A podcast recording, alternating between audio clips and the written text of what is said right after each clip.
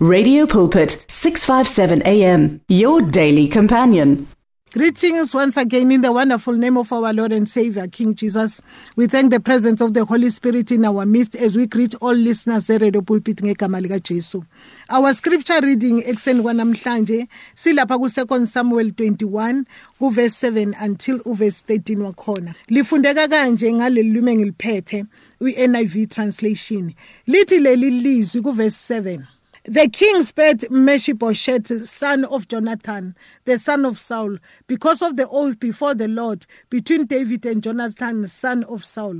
But the king took Ammon and Mephibosheth, the two sons of Arah's daughter Rizpah, whom she had borne to Saul, together with the five sons of Saul's daughter Mirat, whom she had borne to Adriel, son of Barzillai, the Meholathite. He handed them over the Gibeonites, who killed and exposed them on a hill before the Lord. All seven of them fell together. They were put to death during the first days of the harvest, just as the barley harvest was beginning. Rizpah, daughter of Allah, took sackcloth, spread it out herself on a rock from the beginning of the harvest till the, the rain poured down from the heavens on the bodies. She did not let the birds of the t- uh, touch them by day or the wild animals by night. When David was told by Ai's daughter Rizpah Saul's concubine had done, he went and took the bones of Saul and his son Jonathan from the citizen of Jabez Gilead. Eh as we are reading the, this verse uh, we find out ukuthi uh, there are two women that are mentioned here. Uh, sibona uMirab the daughter of Saul.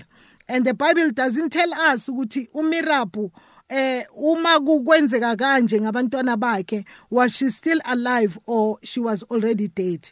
And again siyathola ukuthi it's it's a very sad story uma sifunda le ndaba. But the sad story was that according to first uh, samuel verse 18 uh, First Samuel chapter 18 verse 18 to 19 uSaul had promised uDavide ukuthi anikeze uMerabu uh, as a wife to to to David. But manje mase silifunda khona lapho ku first uh, Samuel ku chapter 18 wakhona sithola ukuthi manje izwi likaNkuluNkulu liyasitshela from verse 8 ku 19 wakhona. U19 wakhona lithi so when the time came for Mirab, Saul's daughter, to be given to David. She was given to marriage to Adriel of Mahaloa. manje siyayibona lento ukuthi eh wayethembisile uSawuli ethembise uDavide ukuthi uma ngabe kwenzeka lento engikuthuma yona iyaphumelela wena into engizokwenza yona ngizokunikeza indodakazi yami uMirabu abe unkosikazi wakho. Manje uma sibheke ukuthi mase kufanele ke manje amnikeze eh uDavide uMirabu ukuthi amshade the bible tells us wa prefera ukumnikeza enye indoda. Manje itopic yemessage yethu namhlanje kuyilanga lokugcina kunyanga yabomama. Sikhuluma about a controlling father and a controlling husband. Today, many women are suffering under a controlling father. Today, many children are, are control are, are, suffering under a controlling. Uh, uh, today, many women are suffering under a controlling uh, husband. Ngani ngoba uma sifunda ku verse 25 wakhona siyathola ukuthi izwi likaNkuluNkulu liyasitshela ukuthi eh ubaba lo uSawuli injongo yakhe efuna ukuthi manje eh uDavide akhone ukuthi enze lokho akwenzayo azomnikeza naku 25 uthi manje lana masifunda lapho lithi ku verse 25 Saul replied say to David the king wants no other price for the bride than a hundred Philistine foreskin to take revenge on his enemies. Saul's plan was to have David's fall by the hands of the Philistine. Manje uma sibheka la sithola ukuthi this controlling father okokuqala uthembise ukuthi uzonikeza uDavide uMirab ugcine engamnikezanga uMirab ugcine emnikeze inye indoda and masibheka indaba kaMirab ukuthi the very children abazalwa kule ndoda yilabo esifunde ngabo la ukuthi banikelwa to be kuthiwani for i-revenge yamagibisites banikelwa ukuthi babulawe. Masibheka again sithola ukuthi ke manje uSaul uyaphinda futhi as a controlling father wenza njani? Uthi kuDavide eh amalobolo ozongibhadala wona mina into engifunayo hamba uyothatha ama-foreskin amafilistini angaka uwalethe kimi kill 200 of philistine. I need their foreskin and manje uDavide ngoba ebefuna ukuyenza lento. Ngani? Ngoba kukhona izinto uDavide ayikhulumile previously. Ukuthi wazibona eyini son in law yenkosi. Wazibona ebasendaweni ephakeme ngoba uthi ngingubani mina ongaba yison in law yenkosi?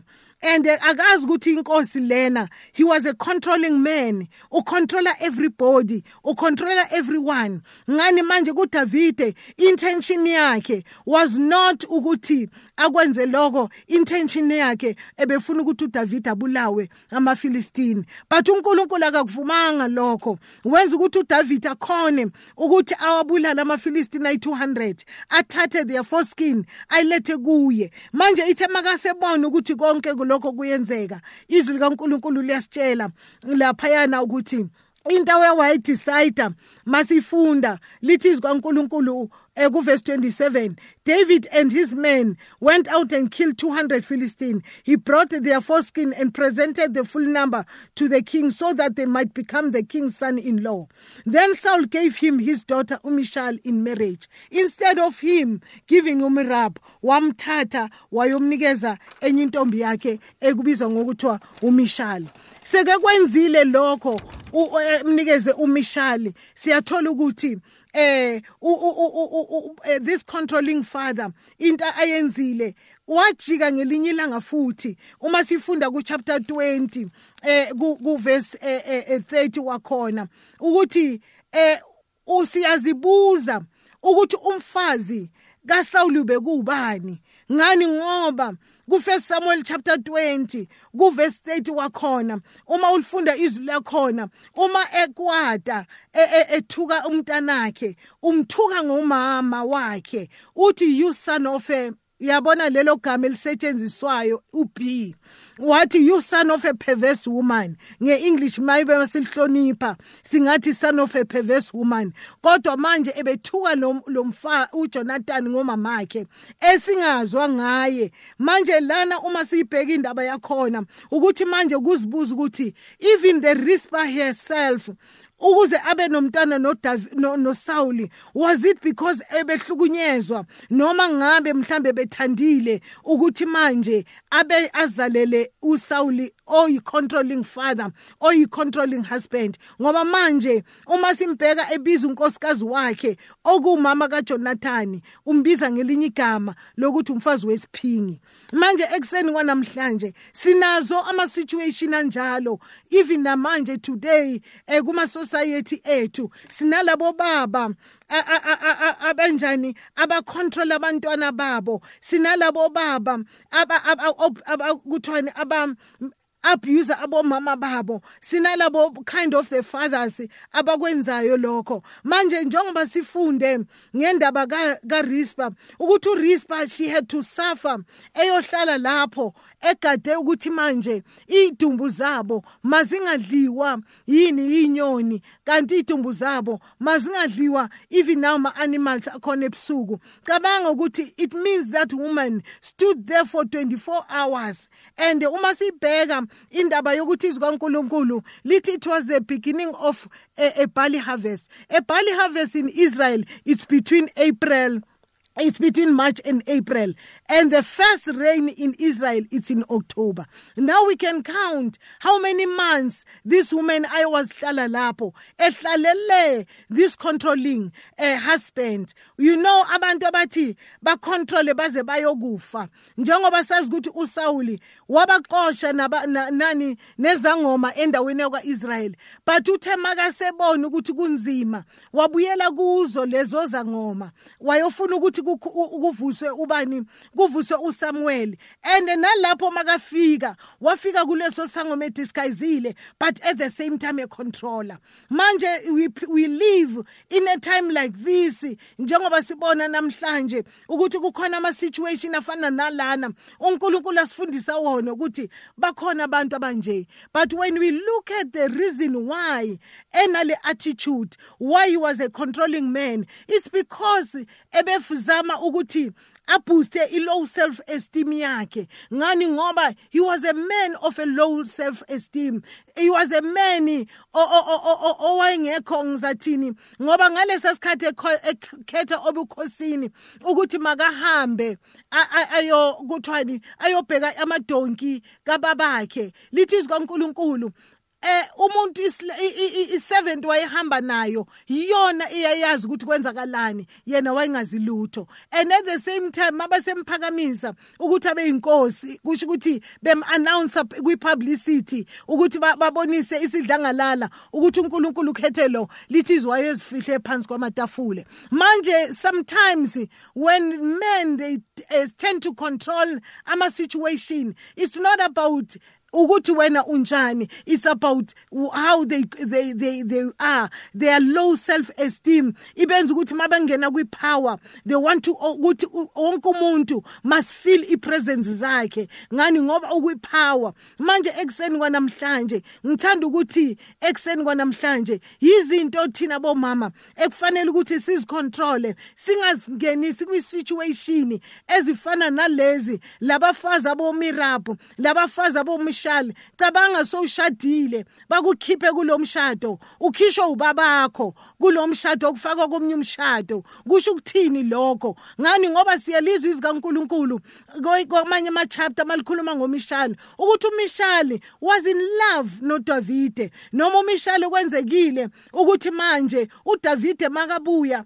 eyokwalatha the the ark of the Lord lithi wathi wanjani wa humiliate uDavide uDavide umyeni wakhe to the extent sokuthi izwi kaNkuluNkulu lithi uNkulunkulu wavala ihumpi yakhe. Manje ekseni kwanamhlanje sikhuluma ngama situation anje ukuthi there were situation like this but we've got to find out why this person was behaving like this. Ngoba sometimes uh, the man abafikelela kulento maybe the father himself ebebenza kanje was a controlling father. So naye makebheka ubabakhe kwenza lokho naye ubona ukuthi into enhle. Enhle manje uSawuli he was a controlling husband and a controlling father. And uSawuli siyambona ukuthi nomthetho kaNkuluNkulu ebengafuna ukulalela efuna ukucontrol ama situation ngoba uNkulunkulu makethe e, e, e, siyabona uSawuli makufanele ukuthi enze into ethile uyokwenzekakhe uyobuilda yena imonument for himself elithi ebuilde imonument for himself. uSamuel makembuza ukuthi ukwenzile konke lokhu uNkulunkulu akushilo? Lithi izwi kaNkulunkulu wathi uthi makaqamba amanga ethi kuSawuli ngibeke ezimanoni ukuthi zona ngenzele uNkulunkulu umhlabelo. Uyabona ukuthi he was a man owayithi owaye kuthiwani owayeliviolate izwi kaNkuluNkulu engenzi efuna kwenzike my way is the only way. Ebona ukuthi anga anga anga user wonke umuntu azayuze noNkulunkulu akwenzani aviolate izwi likaNkulunkulu. Manje ekseni kwanamhlanje ngithanda ukuthi wena mama uma ku situation enjalo into edingekayo ukuthi ubheke ukuthi yini inabangela yokuthi ngize ngifike kwisimo esinje ngihlale nomuntu onje. Ngani? Ngoba manje siyayibona indaba iyafana nala ngoba ikufaka enkingeni na inkinga seyibonakala kuRispa sekufanele ahlalele eh, imizimba yalabantu ukuthi manje eh, kungabikho zinyoni ngenxa yomuntu owayeso controlling. Yiko lokhu kunombuzo ukuthi uRispa yena ukuze amzalele was it uh, by force noma ngabe? Manje ekseni kwanamhlanje sisalifunda izwi likaNkuluNkulu khona lapho sisafunda. Izwi likaNkuluNkulu kuncwadi yamakholose iyakhuluma ngabo baba ikhuluma ukuthi manje mayifunda lapha ku Colossians chapter 3 lithi malikhuluma kubo baba lithi leli lizwi ku chapter 3 eh, wakhona. Verse 21 wakhona lithi fathers do not embitter your children or they will become discouraged Father, do not embitter your children, for they will become discouraged. We understand ukuthi abo baba, they are the instructors of the home. Abo mama, they are the teachers of the home. But manje instruction yabo i-right kodwa uma ngabe manje abantwana. Today when we look at the prisons, eh, we find out ukuthi most of the uh, of abantwana abasemajele mawuthi ubheka i-background yakhe ebe phuma kwi-background yokuthi ebengena voice yokuthi anga angasho into angayithandi angasho into ayithandayo. Ngani? Ngoba kufanele aphile kwi-pressure kababa onje. Kufana nomama namhlanje kunjalo namhlanje kule kunalento ye-gender abuse. Eh uthola ukuthi manje bayafa abafazi bebulawa yilabantu abafuna ukucontrola i-situation. Manje esikhathini esiningi that is why kubalulekile ukuthi whatever decision esiyenzayo masiyenze sikuNkulunkulu siyenze noNkulunkulu. Ngoba ma decision esiwenzayo siwenza siviolate izwi kaNkulunkulu